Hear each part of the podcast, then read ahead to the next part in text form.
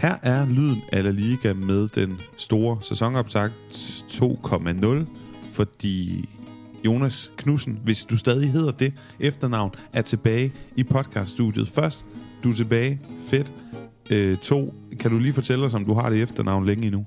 Ja, jeg, øh, jeg beholder simpelthen øh, mit fulde navn, selvom jeg øh, skal, skal giftes med min kæreste her om et par uger, og derfor har, har gang i en lidt, lidt, lidt travl sommer. Øh, men, uh, men så er det jo simpelthen skønt at høre, at, uh, at du har været i gang med, med, en, uh, med en optakt med en uh, kæmpe kapacitet, og, og hvilken fornøjelse at, at lytte med på den, uh, på den udsendelse, du lavede med, med Morten Brun.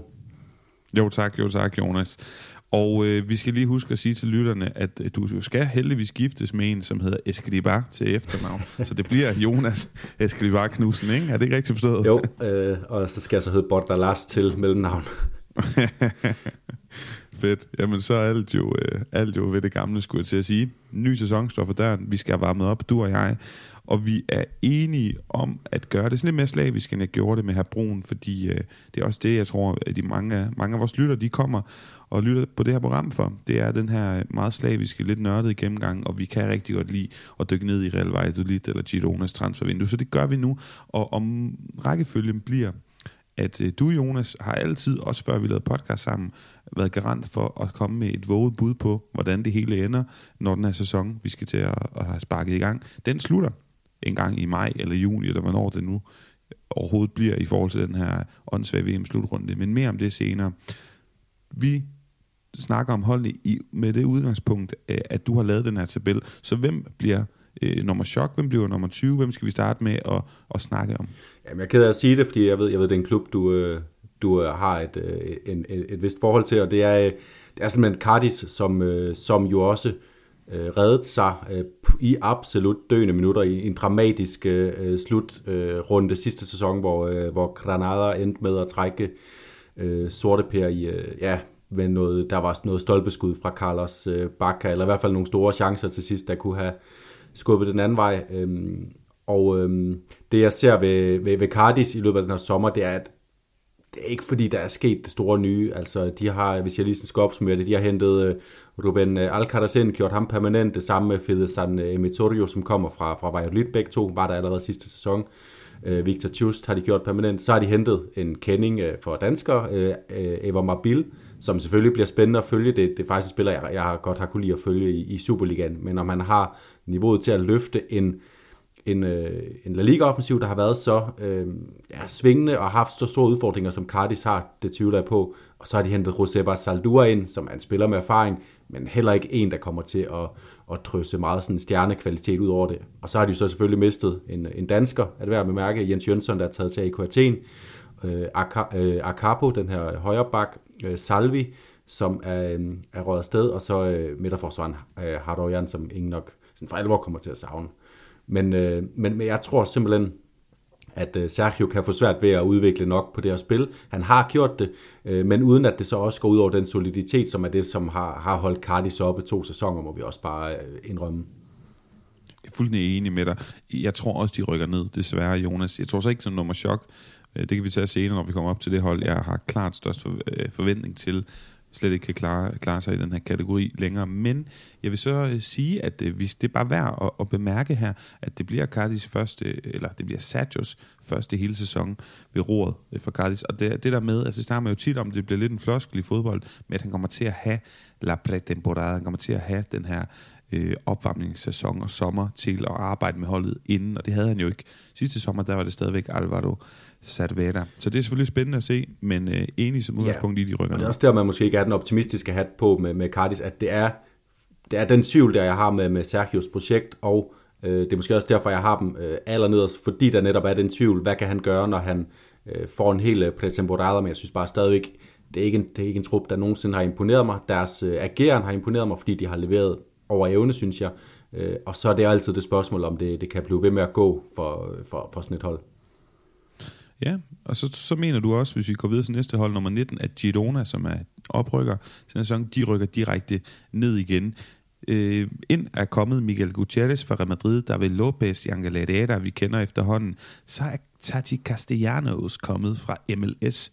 Jan Couto og Rodrigo Riquelme på lån fra, øh, fra Atletico Madrid. Jeg har faktisk spurgt øh, Michael Rundager, som er tidligere fodboldekspert på øh, TV2 Sport, fordi jeg ved, at han følger meget med i MLS. Så jeg spurgte Michael, hvem, hvem er ham her, Tati Castellanos? Fordi Michael var ude og tweete, at det synes jeg virkelig var spændende, og han skriver til, her også til podcasten, at uh, Tati er virkelig et kæmpe scoop. Det er en dygtig afslutter, han er hurtig, han er sikker på straffespark, han kan både spille kant og nier, han er god til at løbe i stopperens blindside som nier, så er han selvfølgelig stadig lidt ung i sit, uh, i sit udtryk, så det er altså virkelig en, Jonas, vi skal holde øje med. Så ud i Girona er gået af ikke de mest navnkyndige øh, spillere, vil jeg sige, Alex Gaillard, eh, Jairo Izquierdo, Jordi Calavera og så Adrian Ortola. Så det er mange spændende, spændende unge talenter, at, øh, at, at de har hentet ind. Jeg kan se en fidus i det her projekt med Mitchell, hvis at det er sådan lidt mere på den lange bane. Men lige her nu, så skal de jo simpelthen bare håbe at få den 17. plads, der lige akkurat gør de overlever. Ja, det ser svært ud. Og, og, øh, og, og, og så alligevel, det er, det er også et hold, der godt kan, kan, kan komme til at snyde os. De har jo den her øh, forbindelse til, til Manchester, Manchester City gennem City Group. Øh, det er også blandt andet nok derfor, at Jan Herrera i denne omgang kommer lige præcis til, øh, til Girona. Øh, men, øh, men, men, men det er jo som Morten Brun også gjorde opmærksom på i, i, i jeres optakt, at det er jo ikke fordi, der kommer kæmpe, kæmpe stjernedrys, og det er jo ikke lige sådan de næstbedste i City, som, øh, som lander i Girona kan forbedre dem. Men sidst de var oppe, der var det altså et, et spændende øh, hold, som sådan havde sådan det her meget, øh, meget dynamiske øh, spil med, med to øh, to sådan lidt hurtigere kreative fyre hængende bag en, en større angriber, Christian Stuani, som de også har med nu, og som har bumpet videre på trods af hans øh, høje alder nede i sekundær division. Det skal blive et godt spørgsmål, om han kan blive ved med at bombe, fordi kan han udnytte indlæggene fra for eksempel Miguel Gutierrez, som kommer til at være meget offensiv øh, venstre bak for det her øh, øh, Girona-hold, så kan det blive spændende. Og, og sådan den karakteristik, du lavede af Tati Castellanos, det lød også som en spiller, der kunne være spændende at have løbende øh, rundt om, øh, om Christian Stuani, der fylder i, i feltet. Øhm, så selvom jeg har Girona som, øh, som bud på nedrykker, så glæder jeg mig faktisk til at, at følge med i det her hold.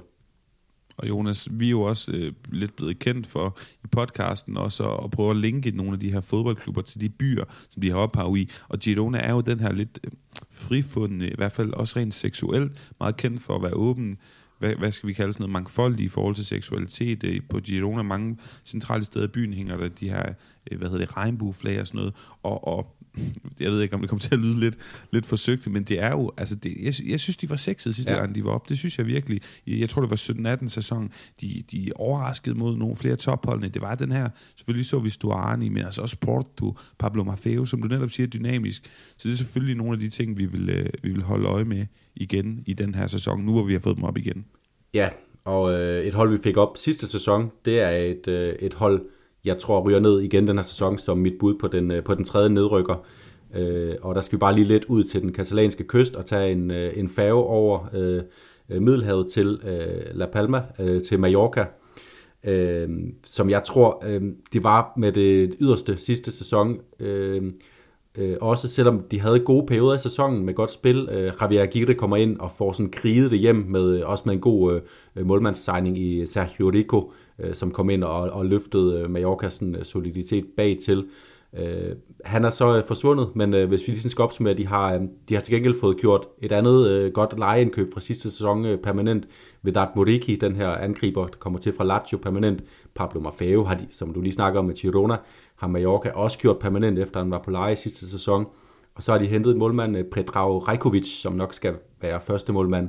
Øh, en midtbanespiller Bataglia, og så Jose øh, Copete, øh, sådan lidt mere ukendt spiller til, til midterforsvaret ud af så røget øh, lidt dødvande, altså Sastre, Zedlar, øh, Manolo, og så øh, Salva Sevilla, den her store midtbanestrateg, som nok er bare blevet for gammel, øh, Brian Olivan og Alex Febas. Øh, så, så, så det jeg lige fester mig, fester mig ved hurtigst, det er, det er Salva Sevilla, at øh, Øh, selvom hans rolle var formindsket sidste sæson, så er det stadigvæk en opgave for Javier Aguirre, som jo er fortsat som træner for Mallorca, øh, efter han øh, overtog øh, i sidste sæson øh, det er at finde ud af, hvem skal styre den her, øh, den her midtbane. Og jeg har sådan lidt svært ved at finde ud af, om de har nogen med kvalitet nok til at, at, at løfte den opgave på et højt nok niveau. Øhm, og Jamen, jeg er fuldstændig, fuldstændig enig, Jonas. Altså, jeg tror, at Grenier er et, er et godt bud, med ellers så er der jo stadigvæk, og det er jo en kæmpe stor et spørgsmålstegn, der hænger over øh, den her udsendelse også, det er, jo, det er jo alle de ting, der kan nå at ske, fordi der er mere end øh, er 20 dage tilbage af transfervinduet i skrivende stund. Så fuldstændig enig med dig også i at, at sætte spørgsmålstegn ud for det her i forhold til, til den kreative midtbane. Vi skal huske, det skylder vi at sige, Javier Aguirre kæmpe trænerkapacitet i spansk fodboldhistorie, så med rette kan man have store forventninger til ham.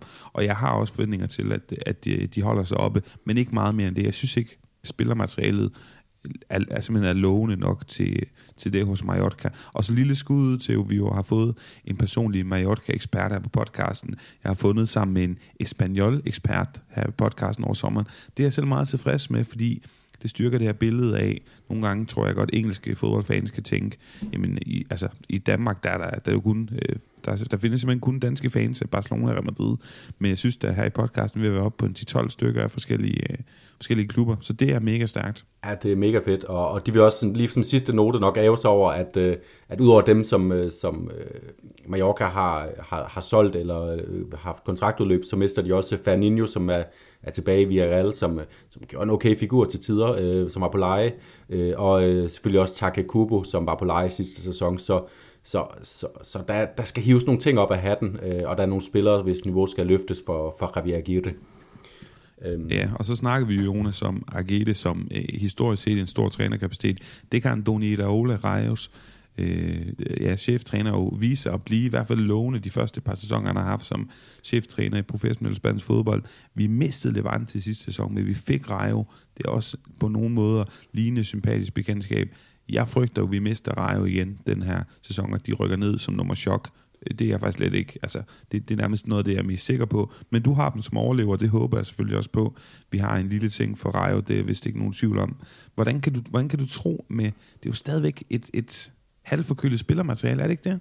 Jo, og så alligevel, øh, man blev forført af nogle af, nogle af spillerne sidste sæson. Øh, Alvaro Garcia, øh, øh, Isi, den skaldede midt, øh, øh, kantspiller, øh, og så øh, øh, øh selvfølgelig øh, Santi Comesania og... Øh, og øh, den anden Oscar Valentin øh, inde på midtbanen, som var sådan virkelig solid og faktisk lignede nogen, som ikke bare, øh, som ikke bare leverede over niveau, men også, som også kunne have været interessant for andre La Liga-klubber. Så det er sådan lidt det, jeg hænger mig i, og så har de ikke, øh, så har de ikke mistet øh, det store, altså de har mistet Lucas Zidane, øh, Markelans, Maras, Kevin Rodriguez, Silja, og så altså det største tab, de har lidt øh, den, her, øh, den her sommer, det har været øh, Sergio Guardiola, øh, som var deres topscorer sidste år med, Paolo, 8 mål. 6. Øh, så det, så, så det, øh, det, det vidner også om, hvad, hvad det er, i Raula skal løse. Han skal, han skal få øh, Øh, en angriber til at fungere, og, og noget af det kunne man måske kigge efter i, i dem, der så er kommet ind i Rayo. De, øh, de har nemlig lejet en unge angriber, Sergio Camello, i, øh, i Atletico Madrid. Han var udlejet til Mirandes i, øh, i Segunda Division sidste år, hvor han scorede 14 mål. Og det er altså en 21-årig angriber, så det er en, hvor der godt kan være noget progression. Øh, så ham, og så har de jo selvfølgelig stadig Falcao. Øh, så hvis, hvis en af de to kan få, få gang i, i noget, så har, de, så har de jo noget, ved vi, noget, noget kreativt materiale. Øh, de har også hentet Salvien fra, fra Cardis, en spiller, som voksede meget i løbet af sidste sæson, synes jeg, og som jeg tror kan blive spændende bekendtskab i, i Rayo. Så har de hentet Unai Lopez øh, til midtbanen, nok mest for at styrke bredden, og øh, Lejeune til midterforsvaret, også en god forstærkning, synes jeg, og så Diego Lopez, som trods sin øh, høje alder øh, havde fine præstationer for Espanyol sidste år, og øh, måske også kan hjælpe Rayo med, med noget stabilitet. Men der, der, er, der er mange ting, og det, det er et lille mirakel, Iraola igen skal levere, men øh, han har leveret, synes jeg, allerede fire mirakler i træk, nærmest som Rayo-træner, øh, altså oprykningen, den flotte øh, 12. plads sidste år, som, som kunne have blevet til mere, hvis ikke det var, fordi de også var tæt på at komme i, i Copa del Rey-finalen, øh, som vi alle sammen husker, meget, meget, meget tæt på os, og, og pressede Real Betis til det yderste. Øh, så det er jo også lidt et, et håb, jeg har, fordi det, det, det, det, det er også, et, ligesom øh, Girona var sidst, så er Rayo også altid et positivt bekendtskab, fordi deres, øh, deres stadion er et, et spændende øh, sted, deres, deres sådan, klubånd er spændende, og så, øh, så har de det også bare med at, at spille noget underholdende fodbold, og det synes jeg også, det her hold øh, gør under Iraolas ledelse. Og oho, jeg må bare lige sige, hold lige øje med de stærke rygter, der ikke vil aftage. Rayo bliver jo kædet voldsomt sammen med en retur i spansk fodbold, Diego Costa. Han har været tidligere været der, gjort det rigtig godt på legemål. Nøj, hvor kunne det være mega, mega spændende at følge, følge med i. Jonas, jeg ved ikke, om der er så meget spænding omkring det næste bud i din tabel. Det er Elche. Altså, det er jo ikke de hold, vi forventer, der jo, det siger sig selv, præsterer aller, allerbedst. Elche har du, øh, ja, jeg ved ikke, om du sådan om du er mere forventningsfuld omkring dem, eller du tænker, at de ikke kan præstere højere, end, de kan. Hvor ligger du på sådan en skala? Nej, men altså, øh, jeg synes Elche og, forudse, at de får en 16. plads, det tror jeg, at øh, det tror jeg, Elche fans måske så, sågar også klubben selv vil, øh, vil sige, ja, ved du hvad, så, så tager vi den, fordi øh, øh det, vi skal jo sidste, så, da, da de rykker op, kommer de ind med, med et hold, som nærmest øh, er ikke eksisterende, og, og de her argentinske ejere er sådan ved at sammensætte det fra bunden. Øh, sidste sæson synes jeg, der var nogle ting, der begyndte at se, at se fornuftigt ud for dem. Øh, blandt andet nogle perioder, hvor Lucas Bourget øh, viste sig at være en rigtig god, øh, god angriber. De har så fået gjort en anden god angriber permanent, øh, Ezekiel Ponce, øh, og så har de hentet en af vores, øh, vores yndlingsmålrev, øh, Roger Marti fra, fra Levante, og min yndlings venstreback i La Liga nærmest, Carlos Clark, også fra Levante, øh, og så en, øh, øh en Lautaro øh, øh, Blanco, som de har hentet, men så genud, øh, genudlejer. Men altså Carlos Clark ind og konkurrerer med Johan Morica på venstre bak, det, det, det bliver en spændende opgave for ham, fordi det, det er jo en spiller, vi har holdt meget øje med. Og spændende, om det betyder, at Morica måske står foran et, et, et salg, det kunne han nemlig godt. Øh, Øh, og Elche har så mistet øh, Pablo Piatto, øh, Guido Carrillo, Antonio Barragan og Kiko Casilla, så øh, nogle, nogle relativt navnkyndige spillere, men også nogle spillere i en alder, hvor de, øh, hvor de ikke havde nogen udsigt til at skulle gøre en forskel i La Liga. Øh, så alt i alt synes jeg egentlig, det ser meget fornuftigt ud for, for Elche. Og så har jeg hørt, øh, læst mig frem til sådan en lille øh, indikation fra Elche på noget, noget rigtig spændende, der kunne ske, nemlig Javier Pastorte, som jo kom til inden sidste sæson som et, et kæmpe navn til, til Elche, at det er noget med, at han efterhånden er helt skadesfri, og måske endda også har holdt sig ret godt i form, og har spillet sig øh, i, i form i løbet af, af sæsonoptakten, så vi måske kommer til at se ham spille en rolle, og det er jo noget, der formentlig vil kunne være en, en game changer for øh, et hold, der også har lidt under, under lidt manglende kreativitet fra, fra den her midtbane, hvor det primært er kommet fra Raul Guti.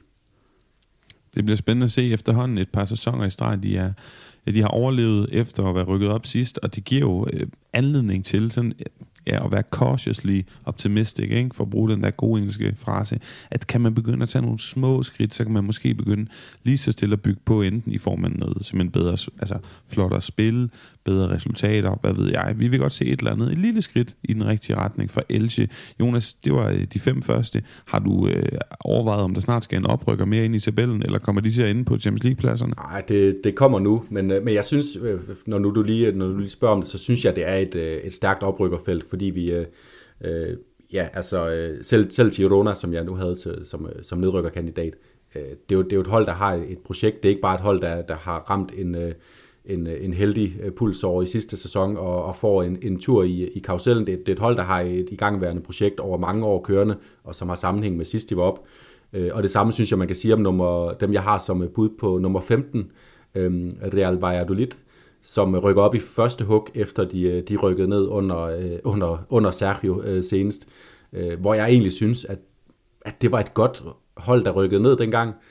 Øhm, så, så derfor klæder det mig også ret meget at se, at der er en del genganger, som kommer op igen. For eksempel sådan spillere, som jeg synes var spændende sidst, Oscar Blano, med offensiv midtbanespiller Tony Villa, øh, sådan en triple stærk kandspiller, og så den israelske angriber Sean Weisman, som også har scoret godt med mål i, øh, i Segunda Division.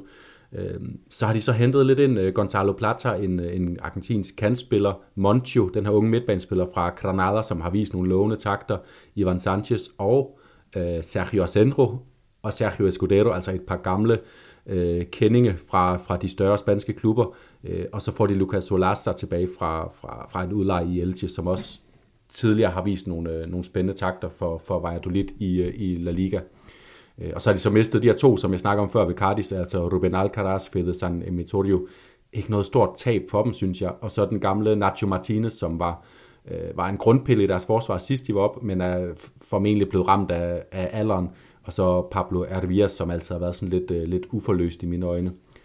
Øhm, så det var helt vildt, Jonas. Jeg ved ikke, om du kan huske med ham Nacho der på venstre bakken. Han var en af de mest indflydelsesrige, kreative angrebsspillere fra sin position som venstre bak. Altså, det var fuldstændig vanvittigt i perioder.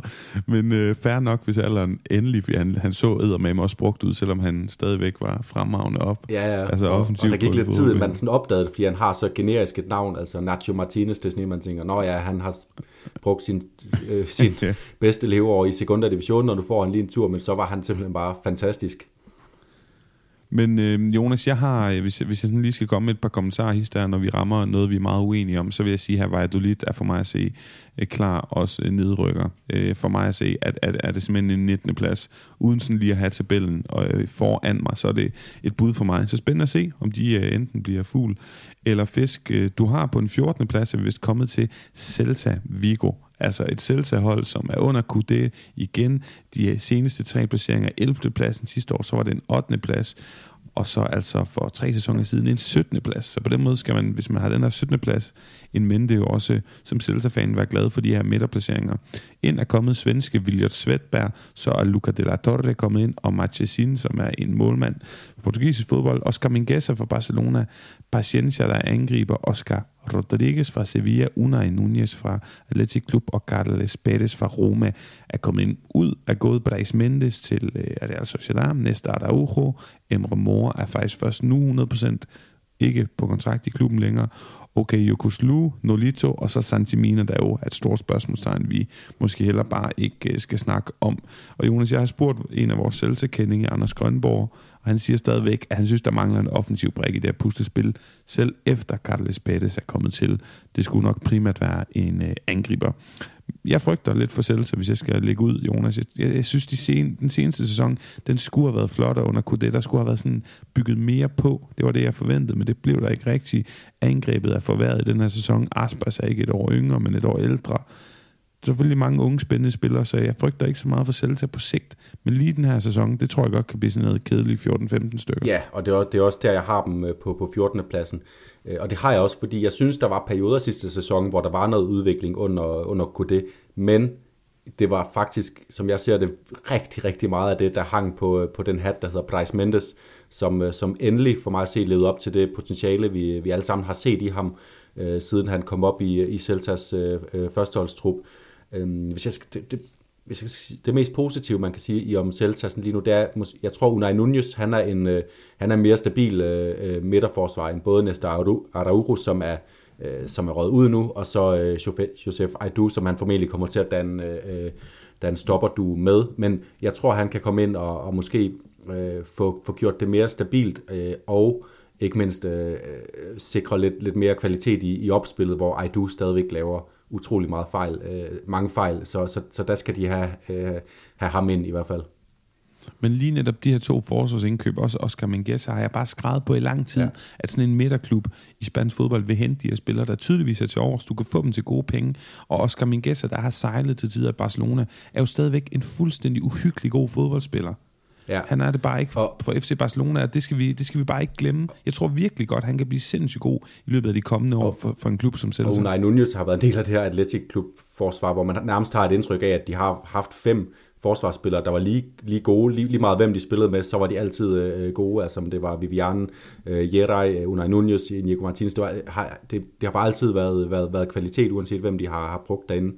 Øh, så, så, så de to kommer helt sikkert til at gøre noget. Og så synes jeg, Øh, Øh, det kommer jeg også til at løfte sløret for, øh, for senere, når jeg skal, skal sætte mit, mit holdet hold, at øh, Oscar Rodriguez, han er ikke, han er ikke en, øh, en til en erstatning for Bryce Mendes i kvalitet, fordi der, der, der, han er lidt mere en one-trick pony med, med sin langskud og sådan. Men jeg tror netop for Celta, hvis de spiller, øh, det, øh, kommer i nærheden af at spille det fodbold, som vi kender dem for, så er det også et hold, hvor de offensive midtbanespillere, de har rigtig meget boldbesiddelse ude foran omkring felterne.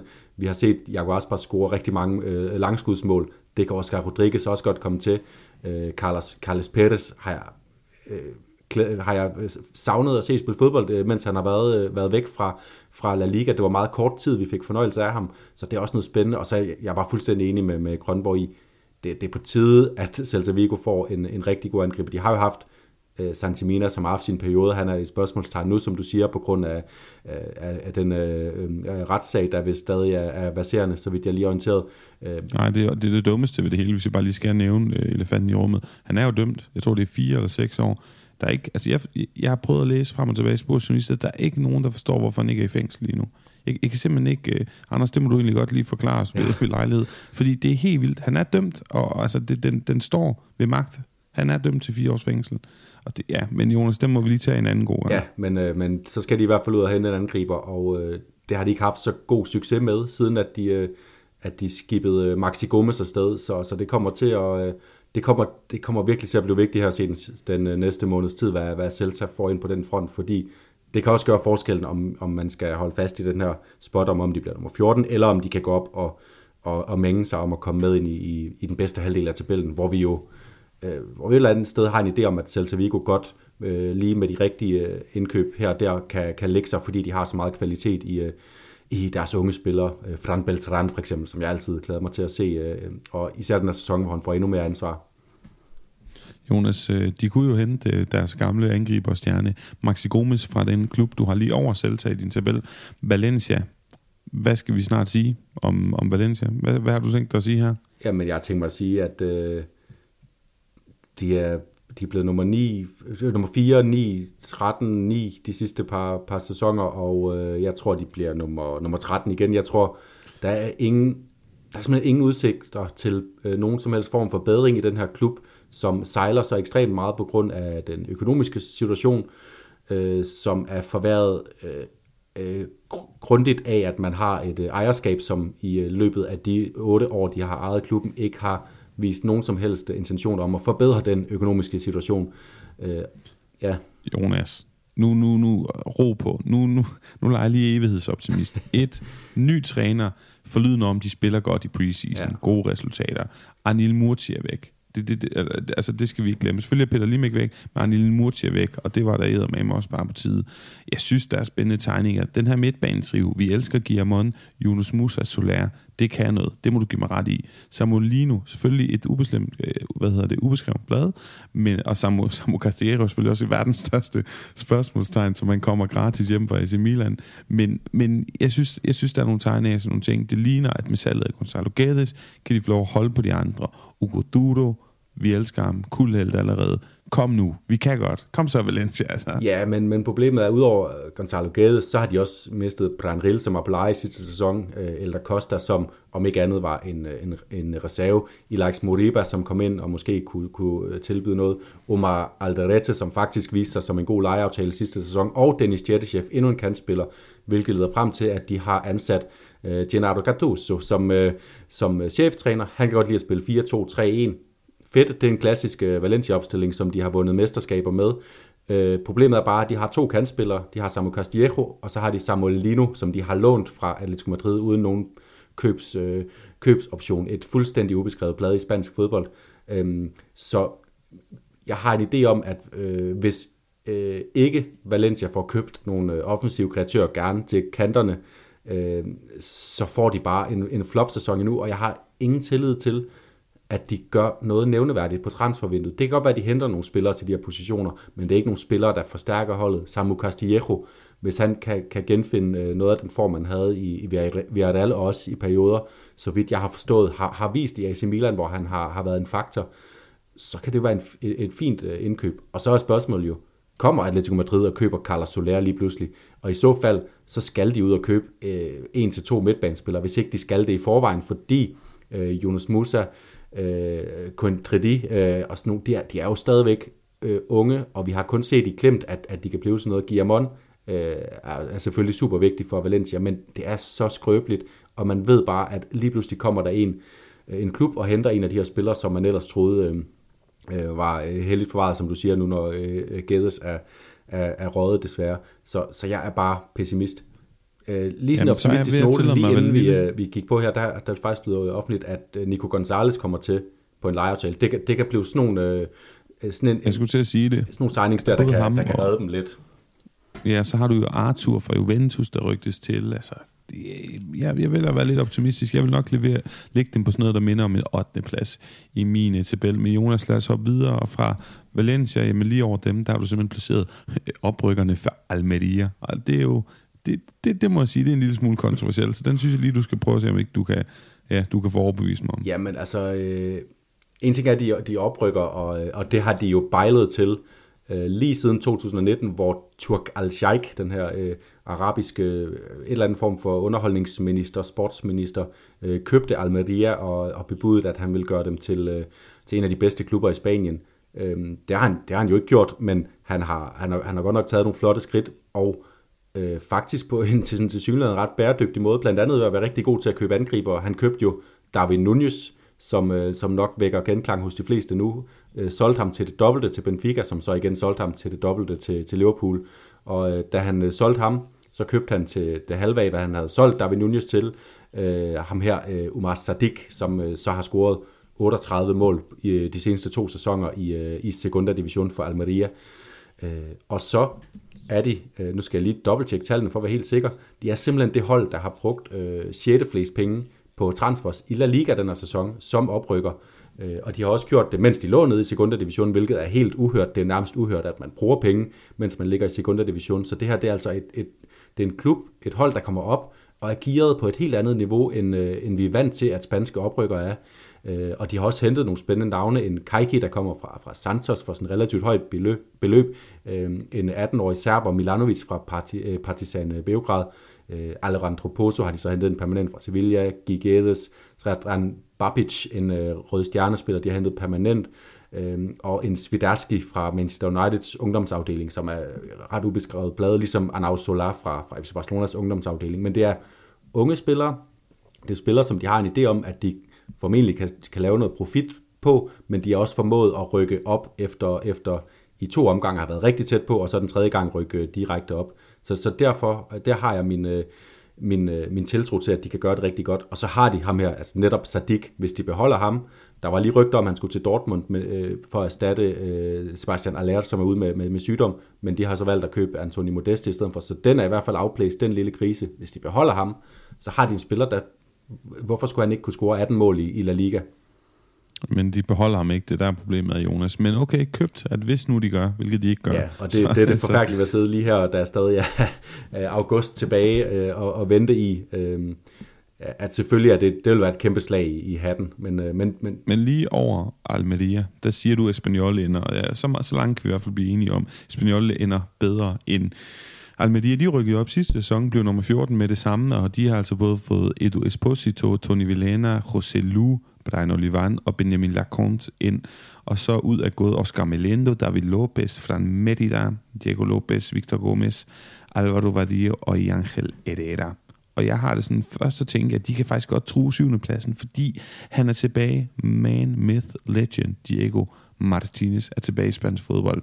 Vi kan alle sammen huske, hvor sindssyg han, han leverede som øh, træner for Granada. Problemet er, synes jeg bare, at han virkede ikke fuldstændig godt bakket op i transfervinduet. Det, det må jeg være ærlig indrømme. Jeg tror, at Raul Thomas ryger. Jeg tror, det er derfor, José Lu, han er kommet ind. Og så har jeg spurgt vores nyudkårede, øh, kærkommende Espanol, ekspert Nikolaj Nathan, og han siger, at de mangler stadigvæk at hente en god midtstopper, altså en god centerback, og en god offensiv spiller, der kan ligge bag den eventuelle angriber, og øh, også få scoret nogle mål, byde ind med dem. Så det er sådan det, de mangler lige pt. Jeg tror som sagt, at Raul Thomas ryger, og jeg føler bare godt, de kunne blive, øh, ja, Diego Martinez, han kunne, han kunne få noget mere, et bedre rygklap. Det kunne være i form af for eksempel Jesus Vallejo i Real Madrid. Han arbejdede sammen med Miguel i Granada.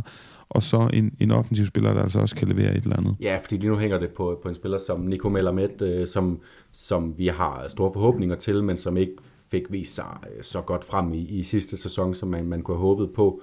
Øhm, øh, så, så det er helt klart, det er også derfor, jeg ikke har øh, Espanyol til sådan den store progression. Altså, de endte 14'er sidste år. Det, de lå det meste af tiden lidt, lidt højere op i tabellen. Øh, og øh, jeg, jeg tror, ja, og, og som siger, hvis, hvis Raul de Tomas ryger, så er det, så er det et kæmpe øh, tab for dem. Hvis de, så, hvis de så har erstattet ham med Rosello, som jo trods alt var en enmandsherre for en La Liga-klub sidste sæson, så tror jeg godt, det vil kunne, kunne afbødes af, afbødes af, hvis man så får en, en, en sådan kreativ spiller, der kan score mål bagfra, øh, øh noget som, øh, som Espanyol har, har manglet. Øh, og så synes jeg stadigvæk, øh, hvis vi sådan skal sammenligne med Diego Martinez øh, øh, øh fantomsæson i, i Granada, øh, så vil jeg måske godt strække mig til at sige, at, at det her hold er, er nok lige så godt, øh, som det han, øh, han arbejdede med dengang i hvert fald. Øh, men, men så er det så også noget lignende, han skal, han skal præstere, hvilket måske er usandsynligt. Så, så derfor tror jeg også, det er mest realistisk, de ender i det her felt, øh, midterfelt. Færre øh, pointene. Øh, hvad, hvad siger du? Jeg siger, jeg siger, det siger bare, at det er en færre pointe. Ja. Det er du fuldstændig ret i. At, at som, så, altså, man kan jo ikke sige, at det her Espanol spillermateriale er væsentligt ringere end Granada. Så det, den, den vil jeg huske på, Jonas. Øh, næste hold, du har, det er Osasuna. Den kan altså gøre kort, Jonas. De endte henholdsvis 10, 11 og 10 de sidste tre sæsoner under Jago Bardasat, til siden de rykkede op. De har hentet Moi Gomes ind, Aitor Fernandes, Ruben Peña. Det lugter bare langt væk af stabilitet. Ja. Og ud er gået Cote, Ramalho, Sanjurjo og Marc Cardona. Det lugter langt væk er noget, vi ikke kommer til at tænke frygtelig meget over. De bliver 11 igen, siger jeg. Så altså 10, 11, 10 og så 11 den her sæson. Det er den grå eminence på den bedst mulige måde. Sagt med al mulig form for respekt og anerkendelse. Osasuna, det er bare et midterhold i La Liga på den fede måde. Ja, og jeg tør næsten godt ind med, at de bliver netop 10, 11 eller 10 igen. Det er også derfor, jeg satte dem her selvfølgelig. Og så er det bare værd at bemærke, at øh, jeg var lige nødt at tjekke øh, Markas bud på, på opstillingerne til den kommende weekend, og øh, Jimmy Avila er selvfølgelig forudsagt, at han skal starte ind. Han har haft en, øh, øh, han har haft en forsæson, med, hvor han har trænet med og spillet kampe, og det kan, det kan komme til, hvis Osasuna skal have et løft ud af de her pladser, men selvfølgelig også bare, hvis de skal manifestere sig, så kan det, så kan det komme til at blive, blive altafgørende for dem, fordi så har de Jimmy Avila, Budimir, så er der altså mål i, i det her hold, som også er så stabilt øh, øh, sådan helhedsindtrykket. Meget enig. Og Jonas, efter dem har du Getafe.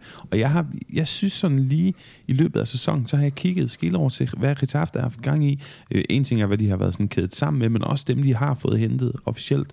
Sindssygt stærkt transfervindue. Er du ikke enig med mig i det? Jo, fuldstændig. Og øh, jeg, jeg, jeg er meget begejstret for, for, for det, den udsigt, der er til, hvad, hvad Getafe kommer til at kunne stille med. Især op foran, fordi hvis vi skal tage det hurtigt, øh, ind er kommet Borja Majoral øh, permanent øh, fra, fra Real Madrid, Domingos Duarte, som de har hentet nedrykket Granada, Luis Mia, som de har hentet samme sted, altså to virkelig store profiler fra, fra Granada, synes jeg, og så øh, Fabricio Angrileri, fra, som er kommet ind fra River Plata, han er en venstre, venstre bak, og så har de lånt Porto i Real Sociedad, øh, Angeleri kommer jo ind for at erstatte Mathias Oliveira, som, øh, som de har solgt en stor profil, et stort tab for, for Getafe selvfølgelig. Øh, Ugo Dudu er råd til Valencia permanent, øh, reservemålmand Janjes er, øh, er ude, og så er der sådan et par låneaftaler, der falder tilbage. Jonathan Silva og, og Erik Kabako, som, som vi nok heller ikke kommer til at savne for alvor. Øh, det er også derfor, mit, mit, i forhold til Mathias Oliveira, mit store spørgsmålstegn omkring Getafe, det er, kan de, har de nok kvalitet på de her bakker, som jo egentlig er blevet ret central for deres, øh, deres udtryk, i og med at de er, de er ret øh, offensive. Damian Suarez på den ene side er ikke sådan en spiller, vi kender fra hans voldsomme offensive kvaliteter, men øh, ikke desto mindre øh, har han spillet på den her vingbak. Og så øh, Fabricio Angeleri, 28-årig vensterbak, der kommer ind fra Argentina med god erfaring fra River Plata. Han har lavet, øh, han har lavet sine assist både i, i den argentinske liga og Copa Libertadores, så måske at det kunne se, se ud til, at de har reddet lidt af, af, af det, de har tabt ved, ved salget af Oliveira der. Og så klæder Ja, og så er spørgsmålet jo også, hvor, hvor ligger... Altså, han er jo en kæmpe, er virkelig dygtig træner, Kiki Sanchez Flores. Ja. Det har jeg fået sagt et par gange allerede i denne sæsonopsagt, men det er han jo kendt fra, fra første gang, han var i Getafe, har gjort et godt stykke arbejde her anden gang, er med til at vinde den der øh, første af de, af de mange Europa League-titler. Atletico Madrid også. Så er virkelig en dygtig spansk træner. Og så er spørgsmålet, hvor ligger han i det der spænd mellem uh, Mitchells, ja, nærmest fuldstændig latterlige uh, romantiske tanker om fodbold, som aldrig blev god, fordi han ikke kunne vinde den eneste kamp, og så på den anden side Bordalas destruktiv, men enormt succesfuld, effektiv og tæt på Champions League-sikrende fodbold. Så det, det bliver spændende, fordi det synes jeg ikke rigtigt, vi, vi fik selvfølgelig nogle indikationer på det sidste sæson, men der handlede det langt hen ad vejen også om bare at få sikret og skrabe, skrabe de point sammen efter en håbløs start. Så jeg glæder mig til at se det, det udtryk. Du snakker om offensiv baks, men er det det, der skal være det, eller er det jeg ved ikke, altså sådan en som Alenia, hvor, hvor meget skal han tegne ja, det her hold der vil sige, gående fremad? Altså udsigten til at se uh, Jens Junal, som virkelig prøvede igennem sidste sæson, synes jeg, og så sammen med Borja Majoral op foran, og så måske have en midtbane, der består af Luis Mia, Carles Alenia og, uh, og uh, Adam Bardi, som indtil videre stadigvæk er uh, at finde i, i Retaffe. Det er altså, det, det er altså noget, der, der lyder af, af top 10 i, i La Liga for mig, fordi det er, det er kvalitet over hele linjen. Øhm, og øh, jo stadigvæk også nede bag, hvor, hvor Tierney stadig hænger ved, og, øh, og så med Domingos Duarte, der kommer ind med, med, med stor kvalitet. Det, jeg synes, det, øh, det er det mest spændende Getafe-hold, øh, der går ind til en sæson i, i, i, i ja, måske de sidste tre sæsoner i hvert fald. Ja, der har ikke været så meget udskiftning på selve holdet hos Atletic Klub, som er det hold, du har næste øh, gang i dine tabel. Det er jo mange midterplaceringer i streg. Ny præsident, Jon Uruarte, og, øh, eller Uriarte hedder han. Og Jonas, jeg har jo faktisk været forbi Bilbao her i sommeren med min kammerat, og jeg kunne ikke lade være med, øh, imellem alle de pinchos og alle de fede ting, vi lavede i Bilbao, lige at spørge en gang imellem, for der er så mange Atletic Club fans i den her by, det siger sig selv, men folk, der også bryster sig af det på bar, øh, på gader og stræder, så nogle gange stoppede jeg lige op, og så spurgte jeg dem altså, hvad siger I præsidentvalg?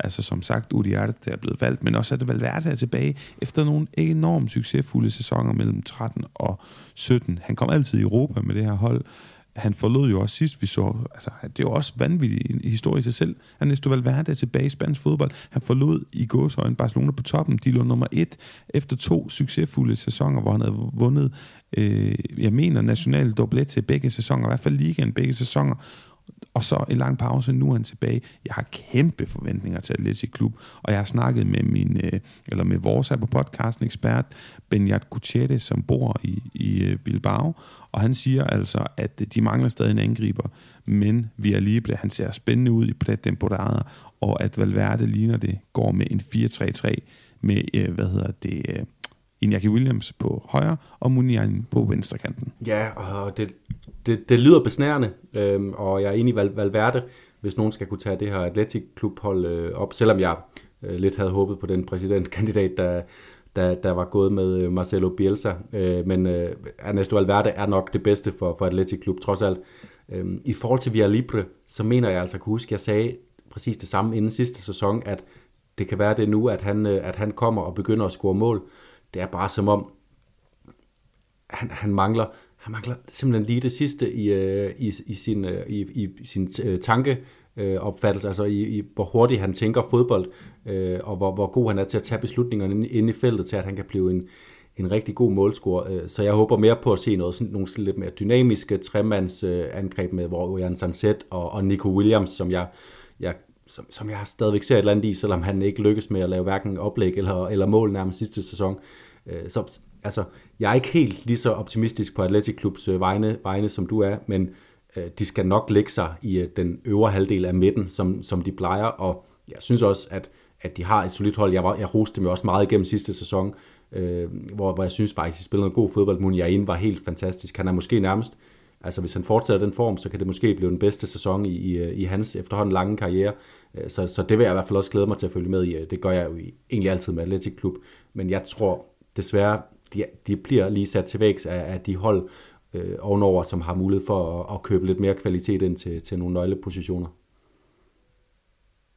Jonas, der er ikke nogen tvivl om, jeg får jo sagt øh, til, til den kære Morten Brun, at jeg har dem som kandidat til fjerdepladsen, og det er selvfølgelig våget, men det jeg også mener, det er bare, at, at, at du får en klassetræner i Ernesto Valverde. Det kan jeg simpelthen ikke herske tvivl om. Så lad os nu se, hvordan det går dem.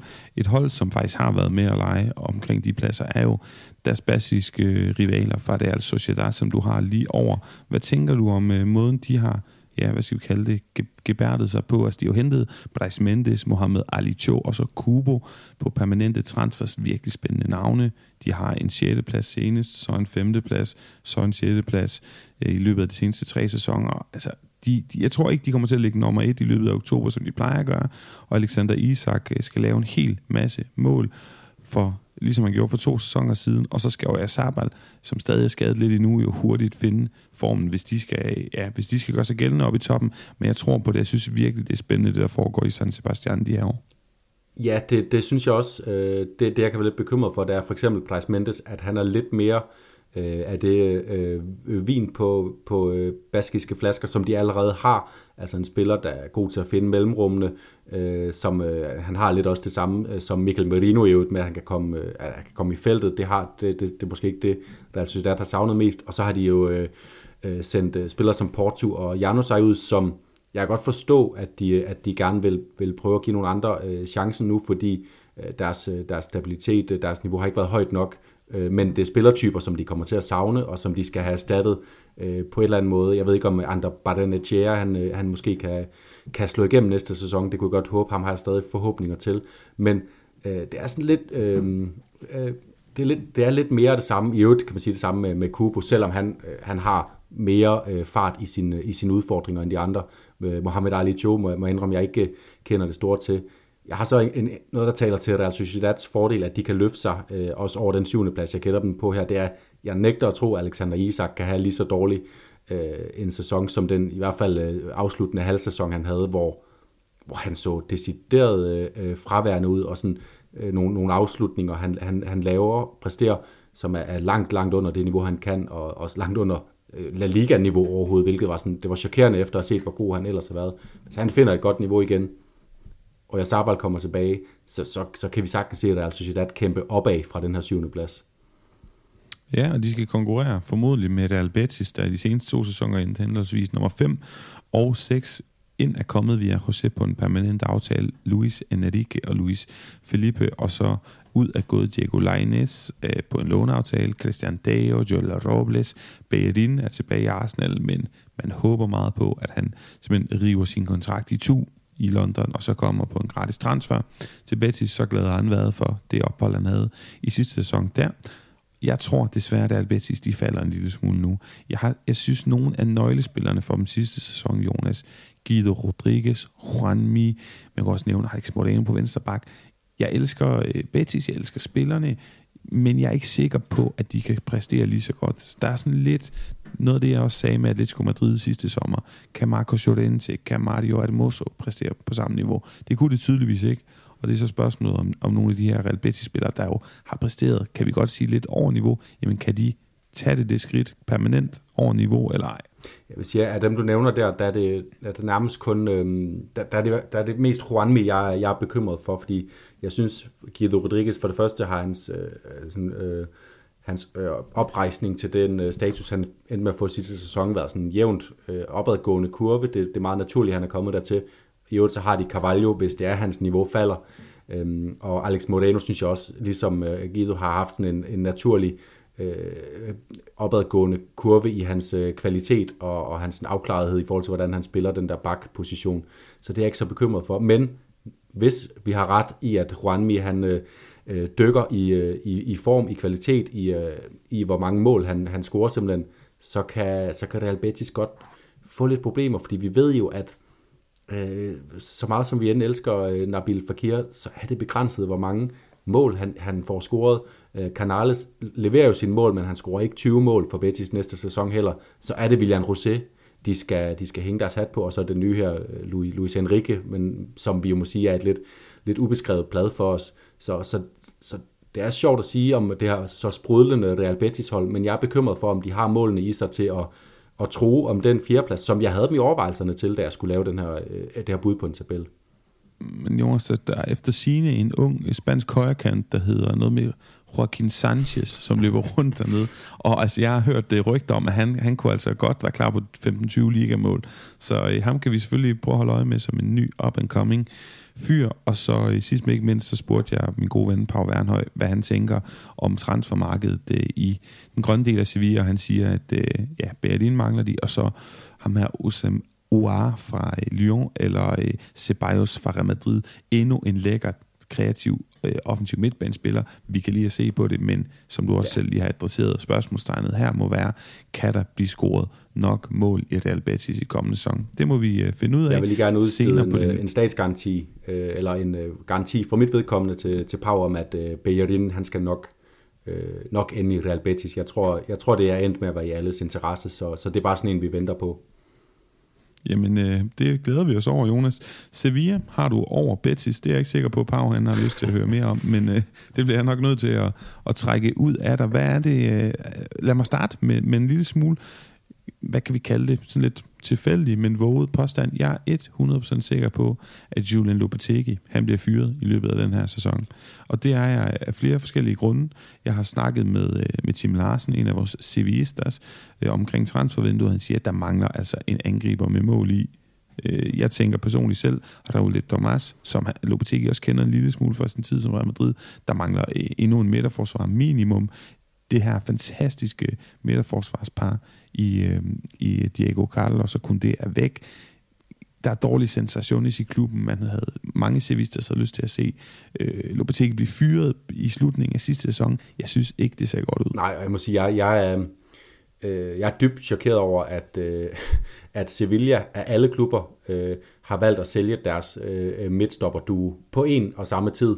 Øh, og især når det er så prominent en, og som har været så meget uden erstatning. Og vi har jo set øh, det her med, at det har været øh, Øh, øh, Gudelli og Fernando, der har været nede og spille, fordi man ikke har haft tillid til Rekik. Rekik ser lige nu ud til at skulle starte inden i den første La Liga-kamp. Det er så langt under det niveau, Koundé og Diego Carlos havde, at, at det bliver et helt andet Sevilla-hold, vi kommer til at se simpelthen.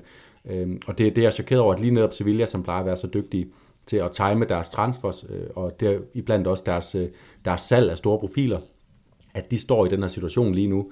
Øh, Macau er jo kommet ind for at erstatte de de to, kan man sige lige nu, øh, fra Galatasaray, og øh, god som han sikkert kan være, så er det så svært at se, at han går direkte ind, og så er der jo snak om øh, Victor Nelson, og det er jo, det er jo selvfølgelig noget, øh, øh vi håber her i en, i en, i en dansk La, øh, La Liga-podcast, at vi får en dansker mere ind, men har men vi ved så også, at han har ikke det niveau, hverken Kunde eller Diego Carlos har, i hvert fald ikke lige nu. Så der kommer til at gå lang tid, inden det her Sevilla-hold er defensivt på fod igen. Øh, og så et andet problem, som vi snakkede om hele sidste sæson, øh, udover Tim, øh, som Tim Larsen rigtig efterspørger en angriber med mål, så er de også et hold, der er gået i kreativ stampe.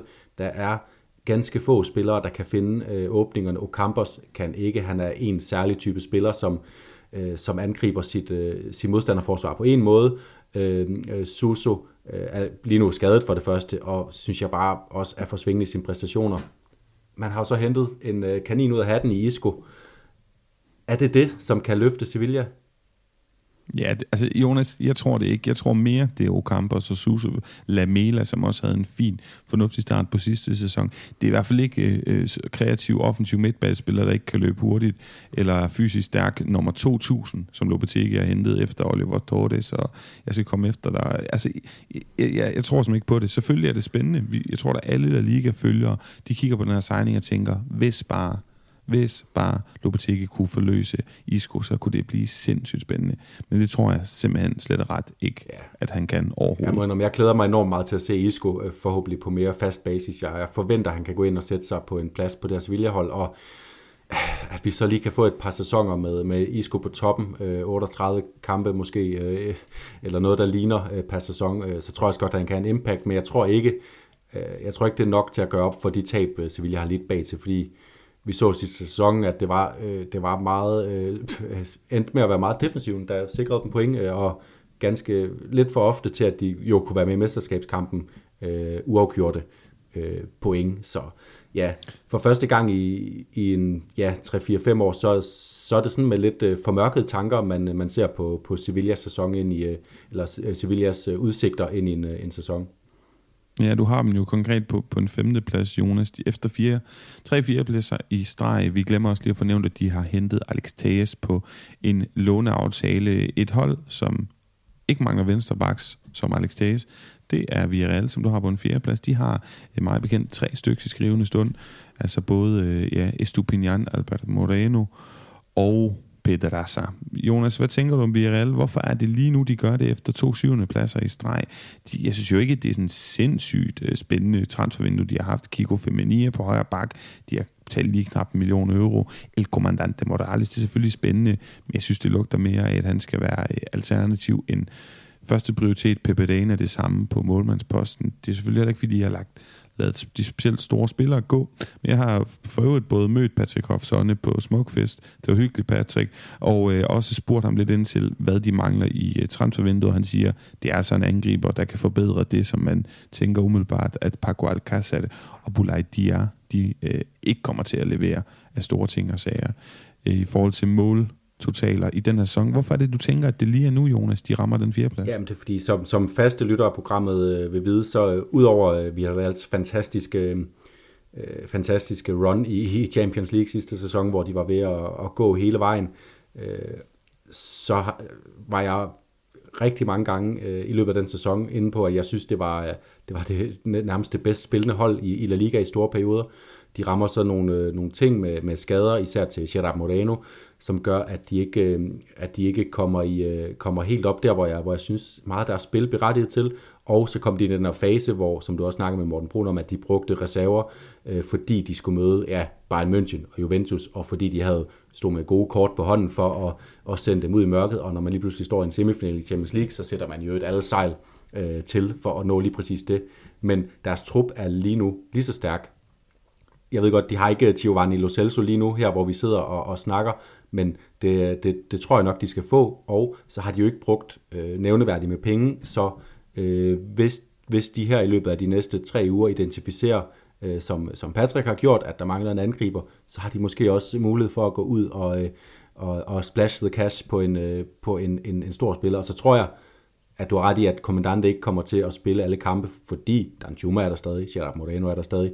Øh, de, øhm, øh, øh, øh, at, at, at det kommer til at, at, at forbedre deres, øh, deres deres præstationer, deres stabilitet, at de har, har flere, der byder sig ind, øh, ind op foran, og at det ikke er Moy Gomez, altså der er El Comandante bare en væsentlig forstærkning i topniveau. Uh, Moy Gomez har været en fin spiller for Villarreal, men har også, han har ikke kunne, kunne hive niveauet op i holdet.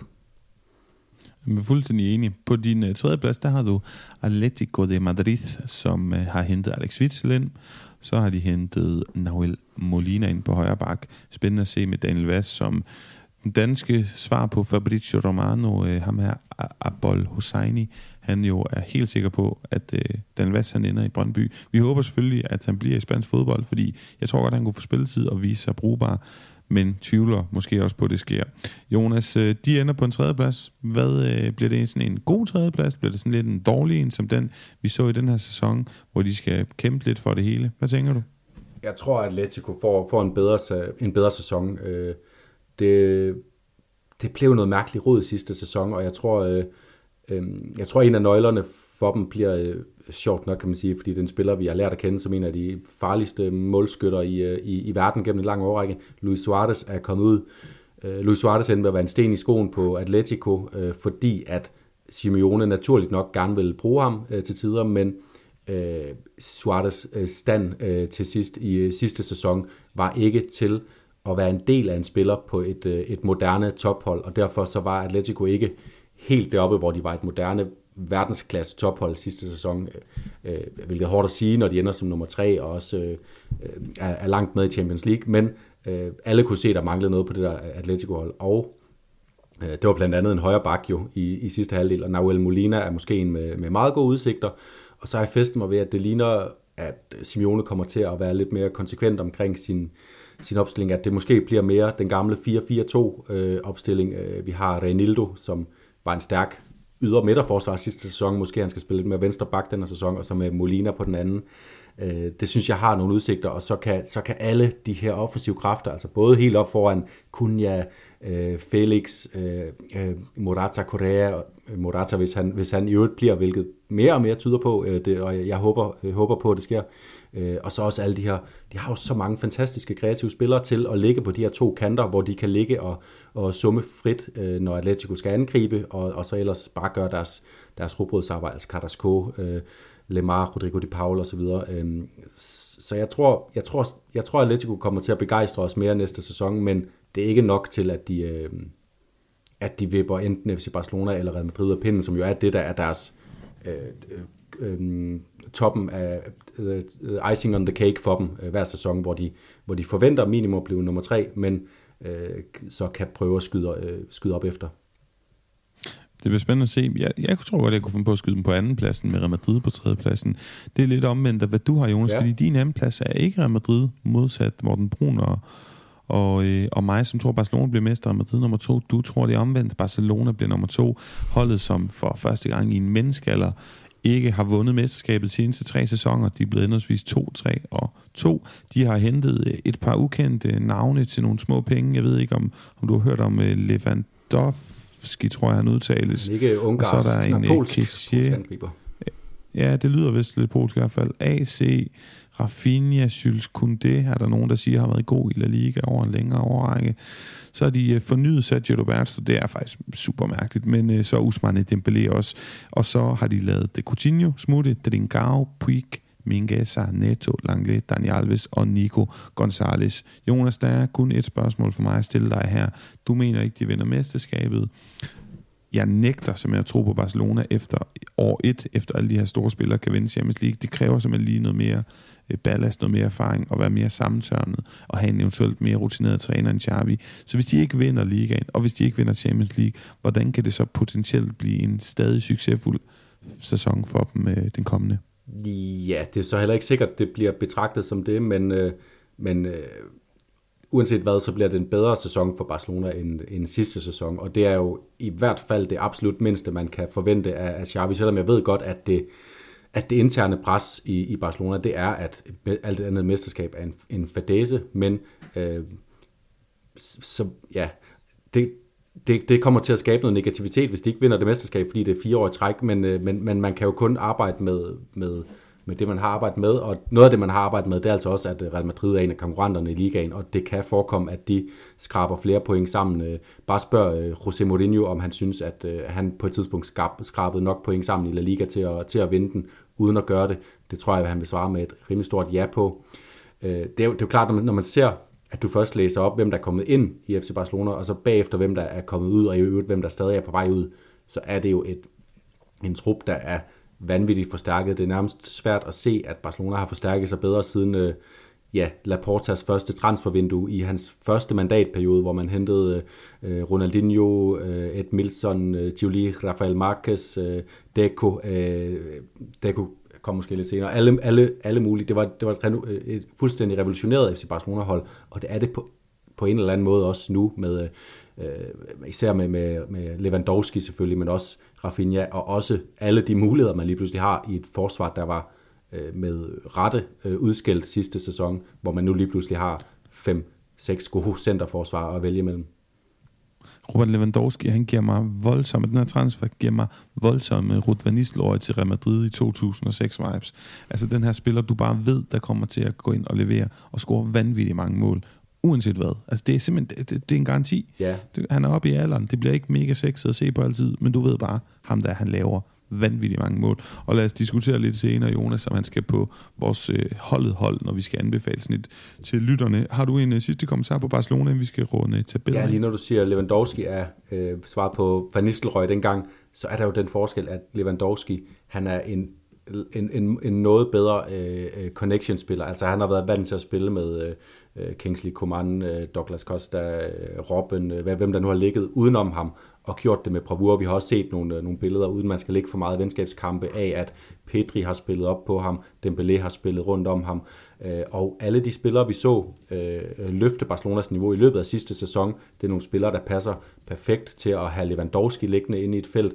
Vi så Øh, depay forsøgte uden held. Det var den spiller, Barcelona savnede øh, sidste sæson. Og når det så ovenikøbet en, der selv kommer med, som Morten Brun lover, øh, tror jeg, øh, øh, mindst 25 mål, så kunne det ikke være bedre. Og så må man, øh, ja, så må al den kritik, øh, man kan sidde med af FC Barcelonas økonomiske agerende, og al den bekymring, man kan for, om den klub øh, nærmest eksisterer om 10-15 år, når Laportas øh, øh, vanvittige satsning, den, øh, den rammer tilbage i hovedet på dem. Det må man så lægge til side og sige bare, lige nu, der har de bare et godt hold.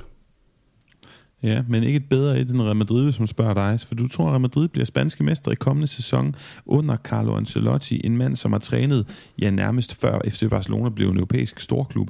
Jonas, jeg forstår ikke, hvis jeg fremfører den her statistik, jeg kommer til at gøre nu for dig, at du kan holde på Real Madrid som træner. Et, Ancelotti, som jeg lige har sagt, han har trænet i en menneskealder.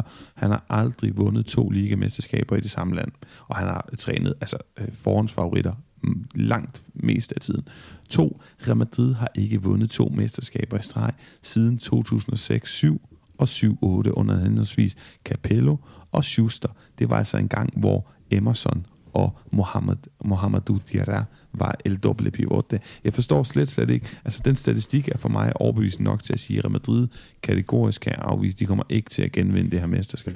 Det var også en gang, hvor Real Madrid var desperat på jagt efter La Decima, øh, Nu har de fået, øh, ja, hvad er det, er det 15? Jeg kan, jeg kan ikke engang tælle. Seriøst, jeg kan heller ikke jeg, huske, jeg ved jeg ikke, tror, hvor det er mange 14. Champions League titler Real Madrid har vundet nu, og FC Barcelona står i en, øh, en, en fuldstændig vanvittig satsning af en genopbygning.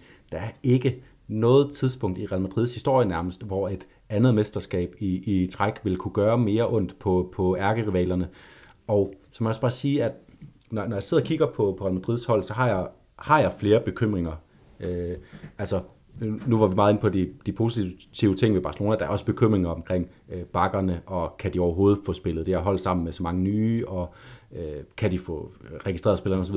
Hos Real Madrid der er jeg bekymret for to ting. Jeg er bekymret for øh, deres øh, midtbane, øh, som du også snakkede med Morten Brun om. Modric, kan han en sæson mere? Kroos var allerede på vej ned. Men jeg synes, øh, øh, for sådan at skyde min bekymring lidt ned, Kammervenga, han kom rigtig godt undervejs til sidst i sidste sæson. Man har købt en spiller, det kan godt være, at det er en ung spiller, øh, Giovanni, men man har givet 80 millioner euro for ham. Vi må forvente, at Real Madrid har set noget, de også kan bruge allerede fra start, eller i hvert fald relativt hurtigt. Og øh, det, var, det var den ene bekymring, jeg mås- måske kan skyde ned, også fordi Modric, hvem, øh, hvem tør sige, at han ikke øh, spiller godt igen, øh, i hvert fald øh, til tider i næste sæson, om end ikke 38 kampe. Den anden bekymring, jeg har, det er om øh, øh, for det første Benzema, sekundært Vinicius skal løbe ind i længere skadesperioder, og der bliver jeg bare nødt til at sige, så længe de to spiller, øh, så er det ikke sikkert, at Barcelonas offensiv, på trods af alle de forstærkninger, er bedre end Real Madrids. Og øh, jeg, vil, jeg vil simpelthen ikke sidde og, og byde ind på, at Real Madrid så ikke bliver mestre på grund af frygten for, at nogen bliver skadet. Det må så vise sig, at hvis de bliver skadet, så kan det være, at det bliver forklaringen. Øh, men som udgangspunkt må vi gå ud fra, at øh, Vinicius og Benzema de kommer til at spille langt, langt, langt de fleste kampe og gøre det sammen. Og øh, jeg tror, at det kommer de til, fordi at mesterskabet bliver en, øh, en høj, høj, høj prioritet for, for Real Madrid den her sæson.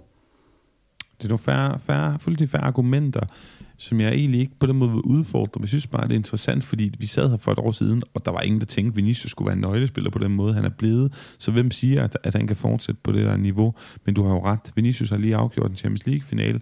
Han er alt det, som en for eksempel Ansu Fati eller Ferran Torres, Barcelona-fans håber, han kan blive i løbet af de kommende år. Det er jo der, Vinicius står nu, og Benzema, jamen han er Ballon d'Oro lige om lidt hvor Lewandowski jo, det er jo ikke fordi, at, at, at Benzema er et niveau over Lewandowski. De er lige gode. Benzema han er en millimeter bedre, fordi han vinder Ballon d'Or nu, fordi han har vundet Champions League. Men det bliver selvfølgelig også sindssygt spændende at følge de to spillere i, øh, i ligaen. Jonas, vi er nået til vejs ende lige her. Nu skal vi have en breaker, og så skal vi lige nå et sidste hængeparti, inden vi lukker den her massive og øh, meget detaljeorienterede sæson optakt ned. Så en breaker, og så kommer det sidste på den anden side.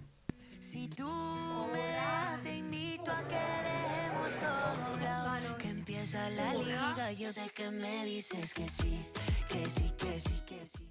Jonas, vi har to hængepartier, sådan som jeg ser det.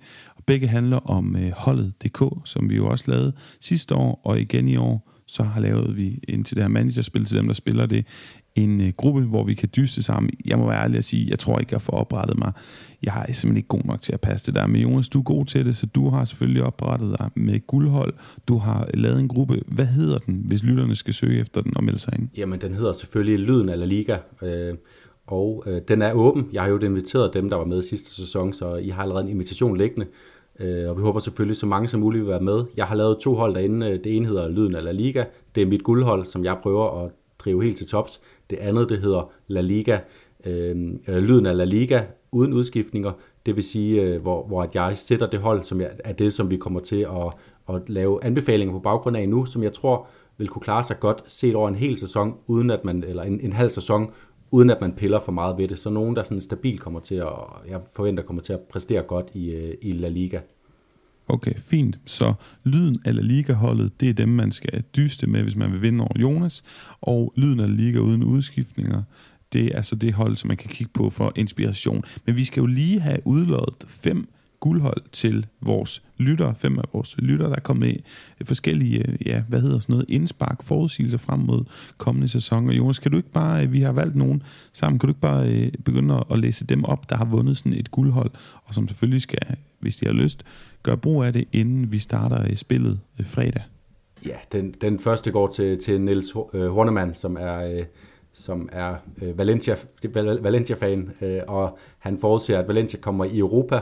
Øh, det er jo, øh, altså enten igennem ligaen eller Copa del Rey, får han så lige sagt i parentes, det er jo fuldstændig stik imod min forudsigelse, men jeg øh, er jo OB-fan, øh, så jeg ved præcis, hvor det er, han, øh, hvor han står henne, og at han øh, selvfølgelig har lyst til at, at bære den optimistiske hat, og, og så håber jeg jo, at han kan få ret, fordi vi vil gerne se Valencia i toppen af spansk fodbold.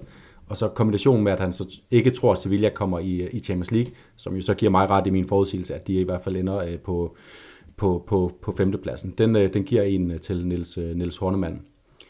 Øhm, og den næste, den går til, til Simon Madsen, som øh, foreslår, øh, udover at Roland Lopetegi øh, bliver en trænerføring, som vi også har snakket om, så for, øh, foreslår han, at Petri bliver øh, assistkongen. Og der må jeg bare sige, hvis Petri spiller, Øh, øh, slipper for sin skadesperiode den her øh, sæson, så tror jeg, det er en, øh, en øh, rigtig fin, øh, fin forudsigelse.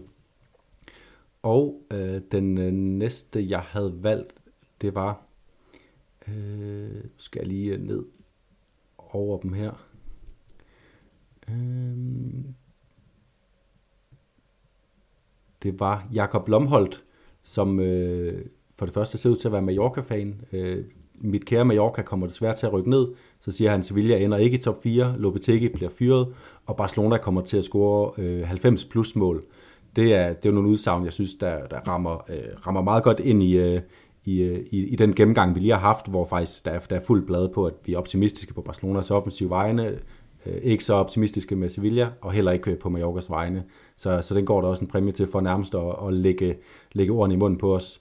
Aske Strand Bygård får den næste, fordi han tror, Felix får sit øh, store gennembrud, og at ham og Kunja til sammen laver 35, plus 35 mål. Øh, jeg hørte jo dig, Morten Brun, eller en, en af jer i hvert fald mente, at det nærmest skulle blive plus 40 mål, øh, så, så, så den tør jeg i hvert fald også godt sige, at det er en, at det er en god forudsigelse.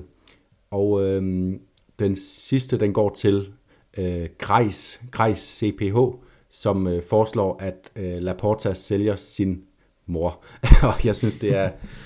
Øh, ja, det kan godt være, det er lidt, lidt plat, men det er jo, altså, det er jo også plat, det der foregår i FC Barcelona, og han har solgt klubbens fremtid, så øh, hvorfor ikke øh, sælge sin formentlig godt aldrendes mors, øh, en del af hendes fremtidige øh, ja, arven fra hende, eller et eller andet, der kan komme ind og være en del af hans øh, udspekulerede og fuldstændig potentielt katastrofale redningsplan. Fantastisk, Jonas. Vi sender nogle koder ud til de fem udvalgte, og så øh, til det her hold, inspirationshold, du har lavet. Vil du lige riste op for os? Ja, det vil jeg. Øh, og jeg kan starte med, øh, på målmandsposten er jeg gået efter at finde en sådan lidt, øh, lidt billig løsning, så man kan sætte ind uden at skade øh, resten af sine muligheder for meget. Og det er selvfølgelig David Sordia, fordi selvom Retaffe er et lidt andet hold, så er det stadigvæk et hold, øh, vi kan forvente øh, laver nogle, nogle, nogle clean sheets. Og øh, det er også den tankegang, der går igen, når jeg har valgt øh, øh, Angeleri øh, i, i forsvaret. Ham her, som, øh, som er kommet ind for at erstatte Mathias Oliveira. For det første ser det ud til, at han glider direkte ind. Han er en spiller, der har nogle oplæg i sig, og så den her bonus med, at Getafe kan, kan holde nogle nuller bag til. Øh, ved siden af ham i forsvaret har jeg så øh, Sergio Roberto, øh, og det har jeg, fordi at jeg tror øh, stadig, han er den bedste højreback i FC Barcelona, øh, bedre end Serginho Dest, og derfor så får han sine minutter. Han koster kun 3,5 millioner, Øh, det, er, det, det er en fin pris at, øh, at kunne købe en, en spiller, der formentlig får noget spilletid i, øh, i FC Barcelona for. Og som den helt store kanin af hatten, så Pavis Estupinian, som øh, havde vekslende niveau sidste sæson, men dog er en spiller, vi ved, som kan have en kæmpe indflydelse på det her øh, Villarreal-hold, når han rammer det godt, og han koster kun 3 millioner, så ham kan jeg altså godt anbefale, at man prøver at, øh, at hente ind.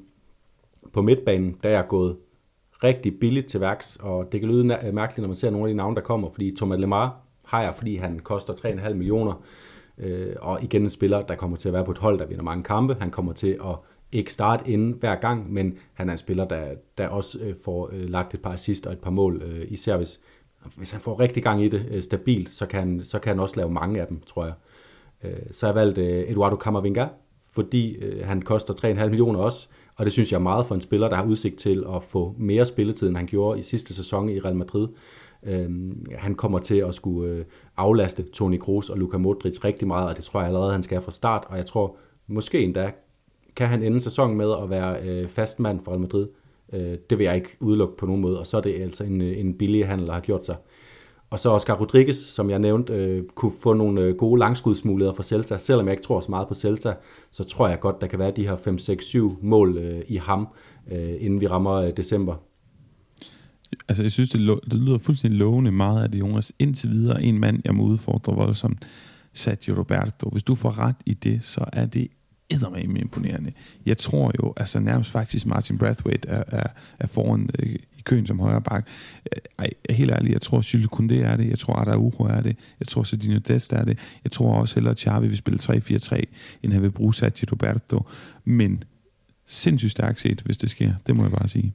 Ja, og øh, det er jo også bare på dem, at han har jo han har efterhånden holdt fast i så lang tid, øh, og han, han er der stadig. Han var jo en- god tilbage i den der, var det 15-16 sæson. Han var rigtig, rigtig god højre bak. Ja.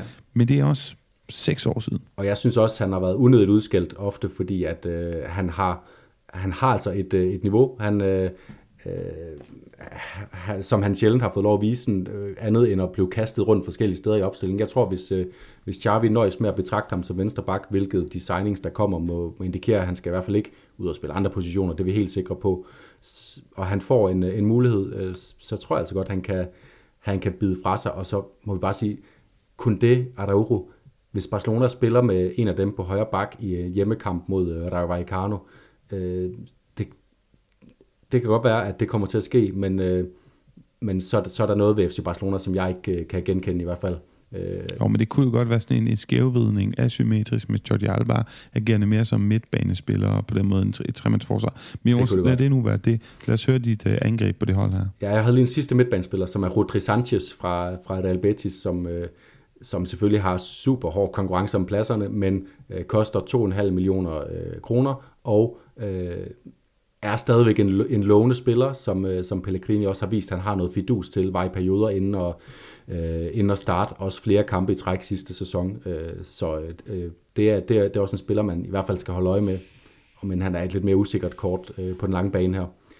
Øh, op foran, der var det store spørgsmål. Der er to spillere, der koster 12 millioner. Den ene hedder Karim Benzema, den anden hedder øh, Robert Lewandowski.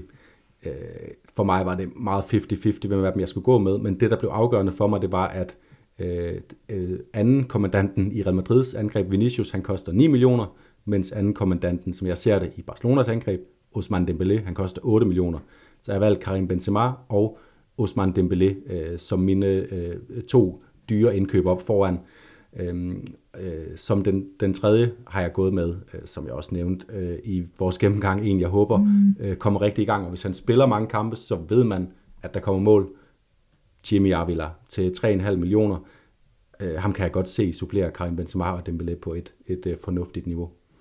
Det lyder smukt, og hvis jeg skulle smide en angriber ind i puljen, kan man også kigge på Ugo Dudo, som jo er billig, og om ikke andet ligner første angriberen i Valencia efter en god sidste sæson. Ja. Jonas, har du flere kommentarer? Ja, jeg vil sige, der, der er også lidt nogle andre i den, øh, ligesom Ugo Dodo, som jeg også øh, noterede, at det kunne, det kunne være et godt bud på en billig. Så er der også øh, øh, Moriki fra Mallorca, Lucas Boyer fra, øh, fra Elche, og så Sergio øh, Camello, ham øh, legespilleren fra Atletico, der er kommet til, til Rayo, som måske kan få en eller anden form for, for gennembrud, som man kunne kigge på, når man skal supplere sit hold med en, øh, en angriber, der ikke koster for meget.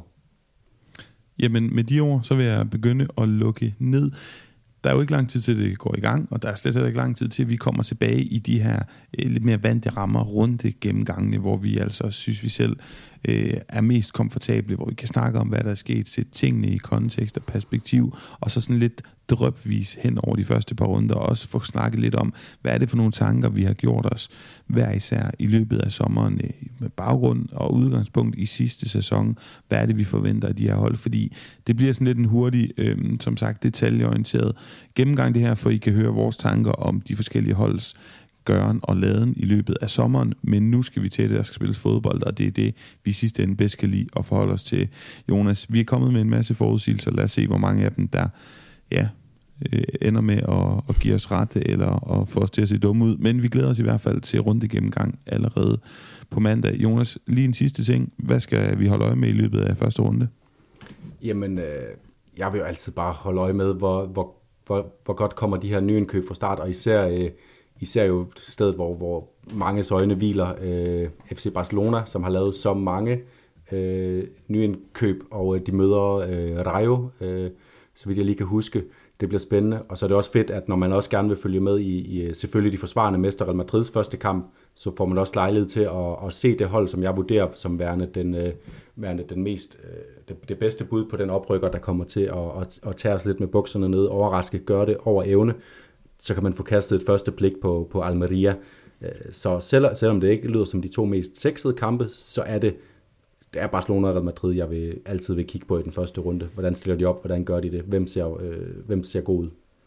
Det bliver spændende at se. Jeg glæder mig til at se Martin Brathwaite starte ind i angrebet, fordi at øh, Barcelona ikke kan registrere nogen af, af deres offensive spillere. Nej, det er gas. Jeg glæder mig til at analysere det Robert Lewandowski hat vi ved, der sker mod Rayo lørdag som Morten Brun i bandet skal ned og øh, arbejde med at kommentere. Men øh, Jonas, tak for den her gang, og vi snakkes ved på mandag til en runde gennemgang.